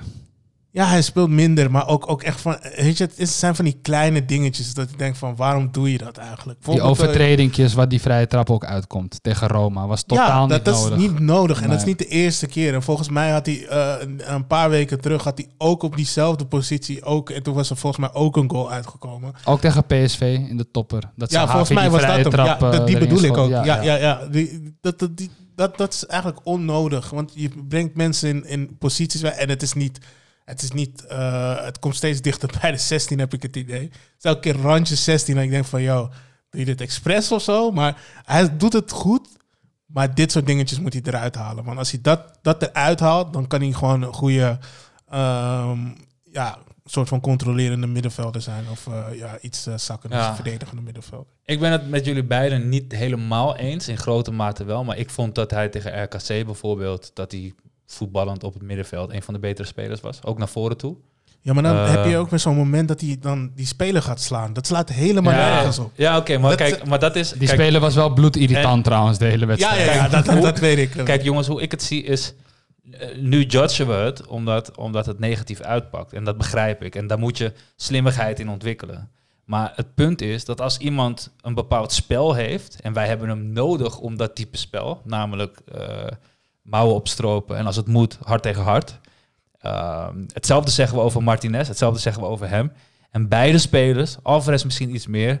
eh, maar beide spelers hebben er een handje van dat, dat, dat ze kaarten pakken. En kijk, het punt is, als, je, als, je, als dat je wedstrijdinstelling is, is het inherent dat, je een punt, dat er een punt gaat komen waarop het niet nodig is, maar het wel gebeurt. Maar ik denk dat je, dat je zo'n spelen dan niet moet beoordelen op dat ene moment, maar over de gehele breedte moet kijken naar eh, nou ja, hoe, hoe dat functioneert. En dan, dan ook de voor- tegen de nadelen moet wegstrepen. En als ik dat doe, krijgen ze allebei van mij nog het voordeel van de twijfel. Ja, maar Kijk, mocht het ik, ik zeg ook niet dat hij uit de basis moet of dat hij eh, een hele slechte wedstrijd heeft gespeeld. Dat zeg ik niet. Ik zeg alleen die kleine dingetjes Moet hij gewoon uit zijn spel moet hij uit halen. zijn spel Ja. halen. En als Ja. hij dat doet, dan Ja. kan hij gewoon een hele goede, goede middenvelder worden eh, voor, voor, voor Ajax. ja. En dat zijn van die kleine dingen. Het is helemaal onnodig om tegen RKC, tegen een jongen aan te slaan. Wat ik eigenlijk, wat jij zegt, hij was ir- irritant ook. Ja, en hij deed ook overdreven. En ik vond het ook geen rood, moet ik zeggen. Want eh, wat voor heel veel mensen zeiden dat het rood was. Je Ik zag vond- wel trouwens in zijn nek van die andere speler, zag je echt die handafdruk van Alvarez. Hebben jullie opgelet? Nee, heb ik niet Hij draaide even om die speler en je zag echt zeg maar een rode vlek zo in zijn nek. dat hij hem echt goed gesmekt had volgens mij. Dus dat was wel mooi. Nee, gewoon, gewoon niet zo huilen, maar gewoon opstaan. En eh, volgens mij heeft Nijhuis ook gezegd dat hij het ge- eh, geen rood vond en gewoon alleen geel. Maar als, ik, ik vind hem, ik vind hem ehm, wel, Alvarez wel de puzzel in elkaar zetten op het middenveld. Ja. Als het komt op evenwicht. Maar eh, ja, die kleine dingetjes, als hij dat eruit haalt. Want laten we eerlijk zijn, die, die, ehm, ja, oké, die tegen AS Roma was niet zo slim dat hij die vrije trap geeft. Al moest Scherpen hem wel hebben. Dat Ja. was eh, dus meer Scherpen zijn fout dan denk ik van Alvarez. Maar je had sowieso niet in die positie. Het zijn, het zijn twee losse spelsituaties en uiteindelijk komt uit de ene spelsituatie de ander voor. Ja, maar klopt. eh, Alvarez had op dat punt misschien die overtreding niet moeten doen. Scherpen had die bal gewoon moeten hebben. Gewoon nog even eh, concluderend naar die Europese avond, guys. Wat mij gewoon is opgevallen. Ehm, los van wat er aankomende donderdag gebeurt, of we nou doorgaan tegen Roma of niet. De kans is vrij groot dat we deze groep bij elkaar kunnen houden. Eh Tagliafico gaat heel misschien weg. Eh, maar voor de rest zie ik eigenlijk niemand echt vertrekken. Er zal waarschijnlijk wel nog één, twee spelers bij gaan komen. Ik ben wel benieuwd wat we volgend jaar gaan doen in de Champions League. Want als we al met dit team Eigenlijk tegen Roma natuurlijk, zij hebben blessures, maar Divine Range speelt. Is net 18 geworden. Masraoui is er ook niet. Ik je vond- eerste keeper is er niet, je tweede. Range speelde niet goed. ik vond hem Dat heel slecht tegen Roma. Klopt, hij Dat wil ik speelde niet goed. Nee, nee, nee, dat is zeker zo. Blind is er niet. Masraoui is er niet. Onana is er niet. Stekelenburg is er niet. Haller. Haller is er ook niet bij. Ja. En alsnog leggen we dit op de mat. Want eigenlijk, los van die vrije trap, was er ook niet zoveel aan de hand in die wedstrijd. Dat maakt mij wel echt heel erg positief over volgend jaar. Mag ik één dingetje hierop eh, even hierop inhaken? Tuurlijk. Want ehm, wanneer ik, toen, toen jij dit net begint te vertellen, is het eerste wat, bij, wat mij te binnen schiet, is dat ik eh, vind dat dit Ajax al zo goed als compleet is. Maar dat we nog een wendbare technische middenvelder missen. En ik weet nog, een van de allereerste podcasts waar jij te gast was, Chief. Toen had je het over een eh, middenvelder van Heerenveen, een eh, Joey Veerman. En Zoals nu- Jelani zo'n mannetje, officieel. Nu, Ojolani is een mannetje, alright, sorry. Maar nu ben ik benieuwd. Eh, ik heb toch het gevoel dat dit middenveld, zelfs als Kudus terugkomt, die ook echt trouwens, we hebben het net over Neres, na een blessure terugkomen, maar bij Kudus zie je het ook, hè. Echt- Echt heel wild in zijn aannames, in zijn ongelukkig tegen RKC zag het ook weer. Maar ik vind dat we nog een bepaald type middenvelder missen bij Ajax. En als we die kunnen toevoegen, die, die wendbare middenvelder die makkelijk wegdraait en een bal over 20, 30 meter tussen de linies doorsteekt en een spits voor de goal zet. Zoals Veerman dat bijvoorbeeld doet. Als je die hebt, dan denk ik dat je alle smaken in huis hebt om elke cocktail die je wil eh, te kunnen maken. Ja. Ja. ja, voor een voetballende zes toch? Dat was volgens mij het allereerste wat we zeiden in de eerste Ja. paar podcasts. Gewoon een voetballende zes, die missen we gewoon enorm. Ja, Alvarez is toch, ondanks dat hij het zo goed doet, ondanks dat hij zoveel gif brengt, eh, is hij voetballend gewoon eigenlijk net iets te matig voor op het middenveld. ja ik, miste, de- ik miste afstand. Ja, ik weet niet of je het op die positie moet zoeken, maar ik, kijk, het, is gewoon een Maar waar moet, hij- waar moet je hem anders zoeken dan? Op het middenveld? Nou, ik- je, je hebt het over zo'n type speler, maar wie gaat het dan uit? Nou ja, dat, dat is de volgende vraag. Alleen feit is dat je nu bij Ajax heb je niet een middenvelder die vanaf 25 meter een bal in de kruising schiet. Of een speler die met zijn rug naar de goal toe eh, wegdraait en, en, een- en een bal wegsteekt. En je hebt wel de, het loopvermogen. Je hebt eh, van achteruit voetballend vermogen, maar iets minder dynamisch. Hè, zoals bijvoorbeeld de Gravenberg doet. Alvarez is dan weer de verdedigende middenvelder die in je restverdediging heel bepalend is en in duelkracht. En Klaas is heel erg voor de afvallende bal, tweede bal, tussen de linies door, loopvermogen, ja, noem het allemaal op. Ehm, dus, dus je hebt nu al een, een, een goede mix om een goede basisopstelling neer te zetten. Alleen niet elke wedstrijd is hetzelfde. En ik vind dat we op het middenveld een aantal smaken missen die, die, ja, die, die je toe zou moeten voegen. En wie er dan uiteindelijk uitgaat, ja, dat, dat laat ik lekker aan Erik over. En daarvoor hebben we volgend seizoen of de voorbereiding. Alleen ik denk niet dat we, omdat er nu al nou eenmaal drie jongens in staan, dat we moeten zeggen, hé, hey, eh, eh, ja, die, die- dan gaan we het maar niet doen. Of eh, die gaat er sowieso uit. Want misschien blijkt ook straks Alvarez wel de missing link bij een ander middenveld. En eh, even een andere discussie. Mhm. Een beetje van de hak op de tak, maar ja, we hebben het toch best over wat, wat posities in het team. Haller maakt een prachtige goal tegen RKC. Ja, Match winnen, we winnen 1-0. Een hele belangrijke overwinning. Ehm, maar is hij echt de spits van Ajax voor jullie guys? Even eerlijk. Ik vind hem eh, tot nu toe gewoon, eh, om eerlijk te zijn, de statistieken eh, praten in zijn voordeel. Maar ik moet wel zeggen dat die voetballend vermogen een beetje laag is. Ik krijg pijn aan mijn ogen als ik hem zie voetballen, weet je dat? Was, Ja, hij, was hij voetballend zo slecht? Hij kon toch juist goed Ik- mee ik- voetballen? Dat ik- was toch het hele verhaal? Ik denk dat er ook wel wat wordt verwacht van je als Ajax-spits. Ik denk dat het Ajax-spits ook een hele moeilijke positie is om in te vullen. Want je moet vooral in zijn, eh, zijn eh, bouw... moet je goed een bal door kunnen koppen... en eh, een goed bal vast kunnen houden. En soms doet hij dat goed, maar heel vaak laat hij het ook echt gewoon liggen, gewoon dat soort dingen. Hij krijgt vaak die ballen om te kaatsen. En vooral dat, ja. Om, ja, mannen, om gewoon een simpele Ja. bal over vijf meter te geven. ja. En het gaat gewoon fout. ja. Dat ik echt Ja. denk, kom op. Soms denk, ik ook, soms denk ik ook die combinaties met Klaassen, dat, dat, dat Klaassen die 1-2 zoekt en dat hij dan gewoon die bal gewoon alleen naar voren moet gooien of zo. Of hem in een Ja. positie moet zetten dat hij vrij staat, maar dat doet hij Maar niet. maar dat is ook vaak goed gegaan. Hij heeft inmiddels heeft hij 10 goals gemaakt en 6 assists.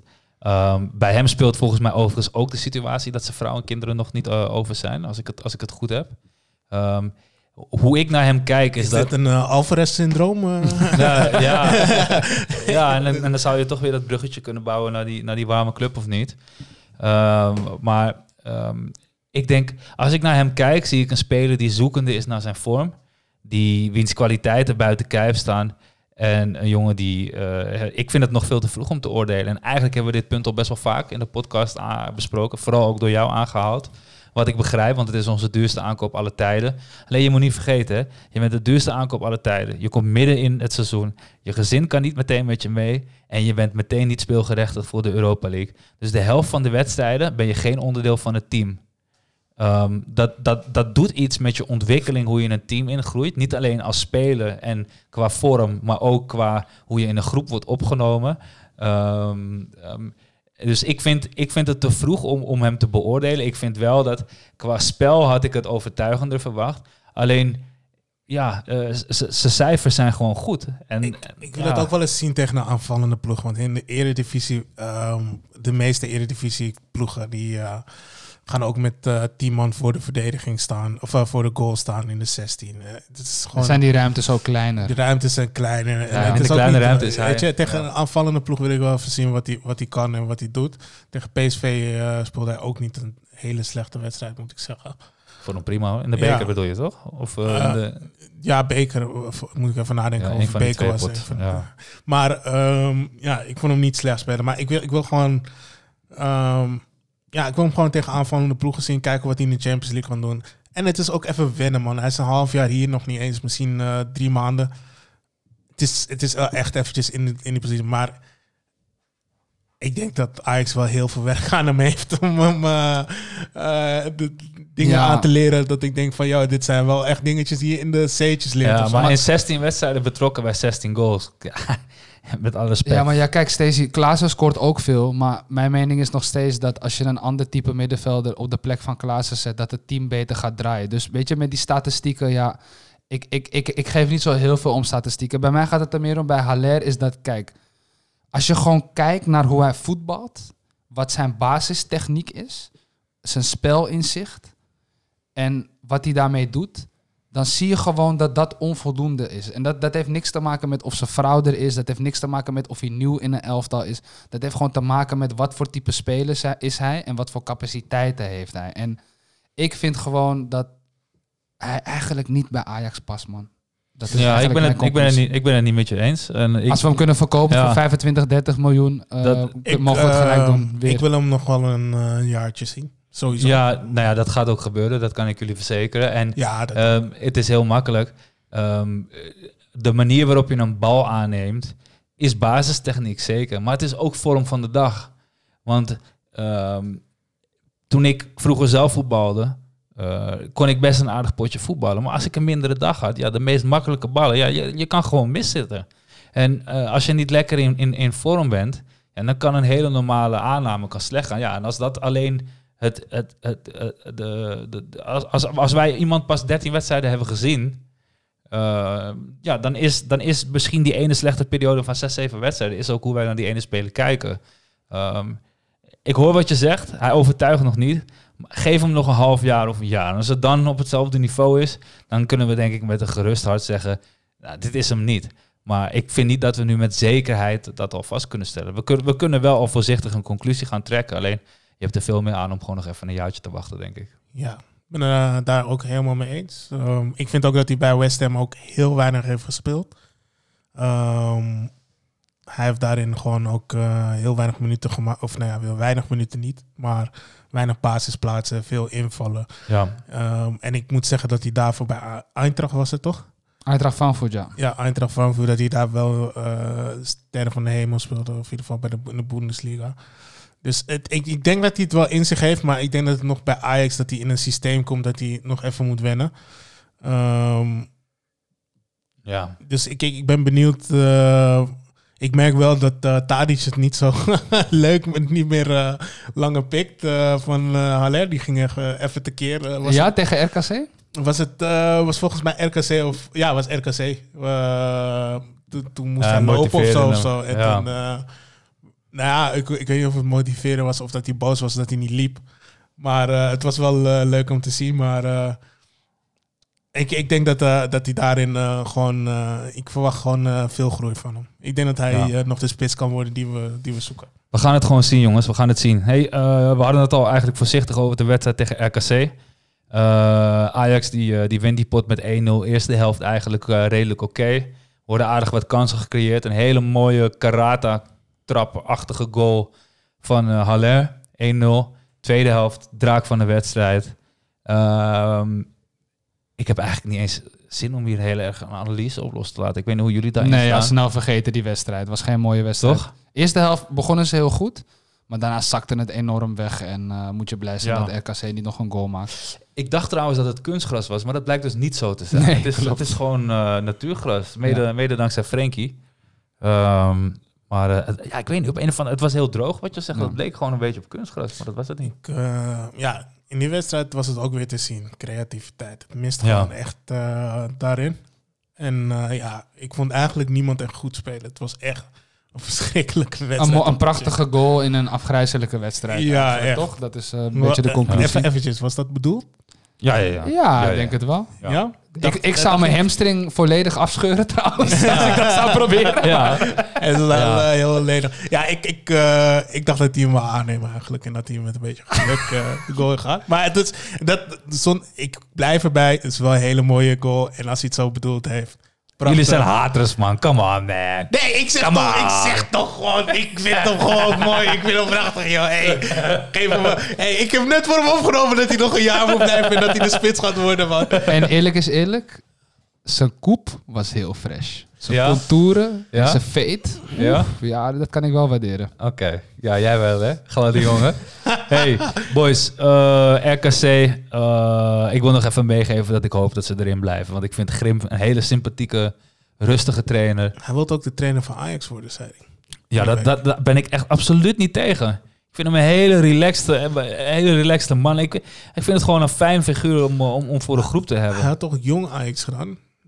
Toen destijds Niet volgens het hele team gedaan, ja. maar gewoon... Dat, ik weet niet precies hoe dit zit, maar dat zou goed kunnen. Het, eh, ja. Hey boys, ehm, laten we eventjes doorgaan. Want volgens mij moeten jullie straks ook alweer eh het laatste treintje gaan halen. Ehm Ajax speelt tegen Rome, aankomende donderdag. Ehm, het wordt ongelooflijk moeilijk. Maar er hoeft ook nou niet bepaald een wonder te gebeuren, toch? Ik moest gelijk denken aan Real Madrid uit. Eh, we verloren thuis met 2-1 toen destijds. En eh, nou ja, daar wonnen we natuurlijk met 1-4. Maar eh, kijk boys, als we eerlijk zijn, los van de ketser, los van de gemiste penalty. We waren echt gewoon beter dan Roma. Verloren we 2-1 thuis? Tegen Real Madrid? Ja, Ja, toen destijds. Ziyech en eh, eerst daar volgens mij Benzema en Asensio toen.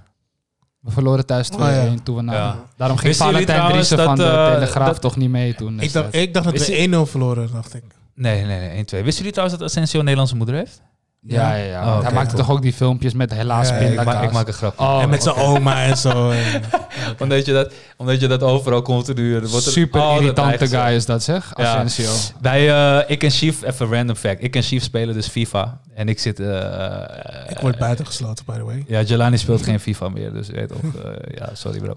Maar eh, ik zit op Facebook zit ik in een, eh, in een FUT groep en eh, toen zei iemand eh, die, die, die, oh dit wordt echt zo'n grap waar niemand om gaat lachen, maar het is geen grap. Dus iemand postte die kaart van Asensio en die zei, hey, wat denken jullie hiervan? Wat, wat, wat, hè, is dit wat? En toen reageerde iemand eronder, wist je al dat zijn moeder Nederlands is? En echt 100 likes of zo. Maar dat komt gewoon omdat het tot vervelens aan toe altijd wordt aangehaald dat het gewoon een, een ding nu geworden is of zo. Dat Ja, vond ik best wel klopt. grappig. Ja. Dus eh, ja, man. Maar nee, ja, Roma dus. Aankomende donderdag. Het, doet, het doet denken aan Real Madrid. Ik hoorde ook al dat het gewoon doet denken aan... eh, eh, die pot tegen, wat is het, Juve, dat je 1-2 wint daar zo. Ehm, wat voor wedstrijdverloop moeten we, op, moeten we ophopen? En Jelani, jij zei het volgens mij al een keer op de Playstation deze week. Moeten we starten met een echte spits, met Bobby? Ja, ik, ik eh, ben ervan overtuigd dat je gewoon met uh, Broby moet starten en Tadic eh, links. Ik vind dat Neres gewoon niet zijn niveau haalt. Ehm, ik vind niet dat Idrissi de juiste man is voor op links eh, om hem te vervangen. Dus ik zeg gewoon Tadic in de spits en Broby, of eh, Tadic eh, links en Broby in de spits. En gewoon Anthony op rechts. Ehm, ik ben van mening dat je dan ook, ik, ik zag ook meer dreiging eh, vanuit, eh, vanuit eh, met, met in de spits. En eh, ook hij heeft ook een wereldkans gemist volgens mij. Ja. Ehm, Grote kans. dus ja, ik, ik denk dat eh, eh, gewoon, ik, ik, ben, ik pleit voor Broby in de spits beginnen. En hoe, hoe, hoe zie jij een ideaal scoreverloop voor je? Wat, wat moet Ajax proberen te realiseren en, en, en wat moet vooral niet gebeuren? Ehm, sowieso moet Alvarez geen, voor de 16 geen gekke dingen doen. Ehm, ik vind dat je gewoon, ja, ik, ik, vond, het, ik vond het eigenlijk eh, tactiek niet zo slecht van vorige keer. Ik vond dat ze gewoon een beetje pech hebben gehad in de, in de verloop van de wedstrijd. Ehm, alleen ik vond, ik vond eh Neres was compleet onzichtbaar in mijn optiek. Dus ik zeg gewoon van de spits, probeer gewoon ehm, Gravenberg moet het spel maken. Hij moet even gewoon, ik hoop dat hij een hele goede wedstrijd speelt. Mhm. Dit is, dit, is, dit is het moment van hem. Ja, gewoon ehm Broby opvinden en eh, proberen te scoren gewoon. En hopelijk eh, kunnen we gewoon die twee, eh, twee doelpunten snel maken. Kijk, Minimaal één doelpunt in de eerste helft. hoe, hoe ik naar die wedstrijd kijk is, je, je moet vanaf moment 1 Roma onder druk gaan zetten. Je hoeft niet al in te gaan. Al ingaan doe je vanaf, vanaf de tweede helft. Als je nog niet die ene goal voorsprong te pakken hebt. Maar je moet wel overtuigend de druk naar voren zetten. Ehm, je hoeft ook niet bang te zijn dat het bij een tegengoal voorbij is. Want je moet toch twee keer scoren. Als zij één keer scoren, is het namelijk nog helemaal niet voorbij. Als jij twee keer scoort en zij één keer, of sterker nog, het wordt 3-2 bijvoorbeeld, dan ben jij zelfs gewoon door. Dus de focus moet leggen op het scoren van die twee doelpunten. Eh, het hoeft achterin, achterin echt niet, achterin niet, eh, het hoeft absoluut niet potdicht te zitten. Eh, maar idealiter krijg je niet meer dan een goal tegen. Ja, dat gezegd hebbend zou ik gewoon eh, heel veel druk naar voren toe. Idealiter kom je met één goal verschil eh, de eerste helft al voor. Ehm, en ik heb liever dat we de eerste helft de eerste maken en dan in de tweede helft bijvoorbeeld de tweede, ergens richting de tachtigste minuut of zo. Dan dat je bij- bij de eerste helft al 2-0 voorkomt. Want voor mijn gevoel ehm, eh, kan je dan als Ajax zijn, de verlies je die on- on- onbevangenheid en, en, en kan er nervositeit in het spel sluipen. Ik ben het niet met je eens, man. Ik denk dat je gewoon moet knallen. En eh, hoe meer goals, hoe beter. En hoe eerder, hoe beter ook. Want dan is het gelijk, oké, we hebben al twee gemaakt. Er valt hier niks te halen voor jullie. Al onze doelpunten tellen dubbel. Of tenminste, ons Ja. doelpunt, uitdoelpunt telt dubbel. Dus eh, nee, gewoon lekker onbevangen die wedstrijd aangaan. Eh, inderdaad, wat je ook zegt. Tuurlijk, geen open huis achterin. Maar gewoon lekker druk naar voren en van je eigen krachten uitgaan. En Ajax scoort minimaal één keer elke wedstrijd. Zo Ja. niet twee keer. Dus we gaan sowieso scoren. En eh, ik heb best wel veel vertrouwen in die wedstrijd nog steeds. Hoor. Ik weet dat we Ja. thuis 2-1 hebben verloren. Maar Ja, dat sentiment heerst ook ik ben echt niet ik. bang of zo voor Ja. die wedstrijd. Ik denk dus ook ik, niet dat eh, iedereen echt denkt van we zijn nu uitgeschakeld, denk ik. Ik denk niet dat Nee. iedereen die gedachte heeft. ik, ik eh, denk dat we lekker gewoon onbevangen die wedstrijd in moeten gaan. En, ehm, Gewoon lekker ballen, joh. Lekker ballen. En eh, ik, ik, eh, ik voorspel een... ehm, ja, wat voorspel ik? Een 2-3. Uit. Ik wil, ik, wil, ik wil jou nog één ding vragen. Want jij zegt, ik zal met Brobby starten. Maar wat vind jij dan van het feit dat als Brobby... Niet, eh, het spel met Brobby functioneert niet... of je moet iemand anders inbrengen... Wat is dan je plan B zonder Brobby? Want je hebt dan niet meer die ene aanspeelpunt. Of is dat trouwe reden? Traoré erbij gooien dan, denk Ja. ik. Traoré, of, of gewoon dan wel Tadic in de spits gooien. Neres hopelijk eh, Ja. de, de, wedstrijd van zijn leven speelt open. maar eh, ik, ik, ik heb zelf ook eh, twee vragen. Eentje is niet Ajax, of, eh, eentje is niet Ajax gerelateerd. Eh, de eerste is, ehm, wie gaan we op rechtsback zetten? Ik wilde dat ook vragen, inderdaad.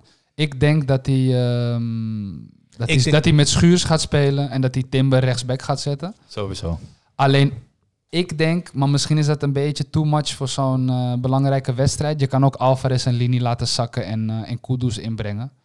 Eh, en dan gewoon Gravenberg en Kudus naast elkaar zetten. Je moet toch twee keer scoren. Ik denk het niet. maar ik denk dat hij dat niet durft. Nee, en ik denk dat je dat ook niet moet willen. Ik, ik vind Kudus echt momenteel eh, te veel ballen springen van de voet. Te wild. Heeft gewoon ook nog niet zijn vorm eh pauw te pakken. Ik zou, ik zou dat niet doen. Ik vond hem eigenlijk niet zo slecht spelen. Eigenlijk bracht hij wel wat leven in het spel bij eh, eh, Tegen RKC. RKC. Maar ik vond hem, ja, hij is nog niet in zijn top doen eh, voor, eh, voordat hij geblesseerd raakte. Maar even om terug te komen eh, Ja. op die, ik, ik, ik denk eigenlijk, ehm, omdat Schuurs eh, net terugkomt van een blessure of, eh of Ja. hij ook had, dat hij misschien met Kleiber gaat beginnen. Oh, En ik zeg je alsjeblieft niet. En, ik, en ik, ik zeg je eerlijk, vorige wedstrijd, toen, toen we hebben het heel veel over Rens gehad en dat Rens zo slecht speelde. En dat was hij ook. Hij was niet in zijn top toen. Maar ik denk dat hij ongelofelijke talentvolle speler is. Ehm, maar er was een moment dat Kleiber naar binnen kwam. En hij moest die eh, Martinez of wie dan ook, of Alvarez, whatever. ehm, iets met de S op het einde. Iemand gooide die bal naar hem en hij gewoon, hij moest hem aannemen. En het was verschrikkelijk om te zien aan de zijkant. En hij maakte volgens mij bijna, kwam er eh, een- goal uit. Nee, Het was echt verschrikkelijk. Hij moest alleen de bal aannemen en hij had de ruimte genoeg hè, om, om de bal Ja. aan te nemen. En het was echt verschrikkelijk om Maar ik zien. vraag me af of hij soms zelf niet ook wakker wordt en denkt... Waar ben ik nou helemaal mee bezig? Wat doe ik bij deze club? Ik hoor hier helemaal niet. Ik denk dat het eh, na één seizoen voor hem eh, erop zit. man. Alsjeblieft, man. Ja. Alsjeblieft, please. Die gaat gewoon weer terug naar Utrecht. En dan heeft hij toch eh, zijn momentje gehad. En dan is het, eh, dan is het mooi geweest. Chief die, die zwaait naar mij. Niet omdat mijn haar zo goed zit, maar eh, ja, de, de, de treinen en zo die gaan. eh, en, en we hebben eigenlijk ook wel gewoon besproken wat we, wat we willen, wat we willen eh, bespreken. Dus eh, we gaan er eind aan breien. Lieve dames en heren, jongens en meisjes, hartelijk dank voor het luisteren. We hopen dat Ajax aankomende week overtuigend eh, ja, die pot ingaat en uiteindelijk doorgaat in de Europa League. Dat we de halve finale mogen begroeten en dat we ook nog even Vitesse op hun donder geven door die KNVB-beker mee naar huis te nemen uit Rotterdam. Ik wil jullie vriendelijk bedanken voor weer luisteren naar een eh, aflevering van De Verlenging. En bij deze graag tot ziens. Dit is een feest. Dit is een echte feest. Verlengingen in de halve finales van dit WK voetbal. In de verlenging gebeurt het dan toch.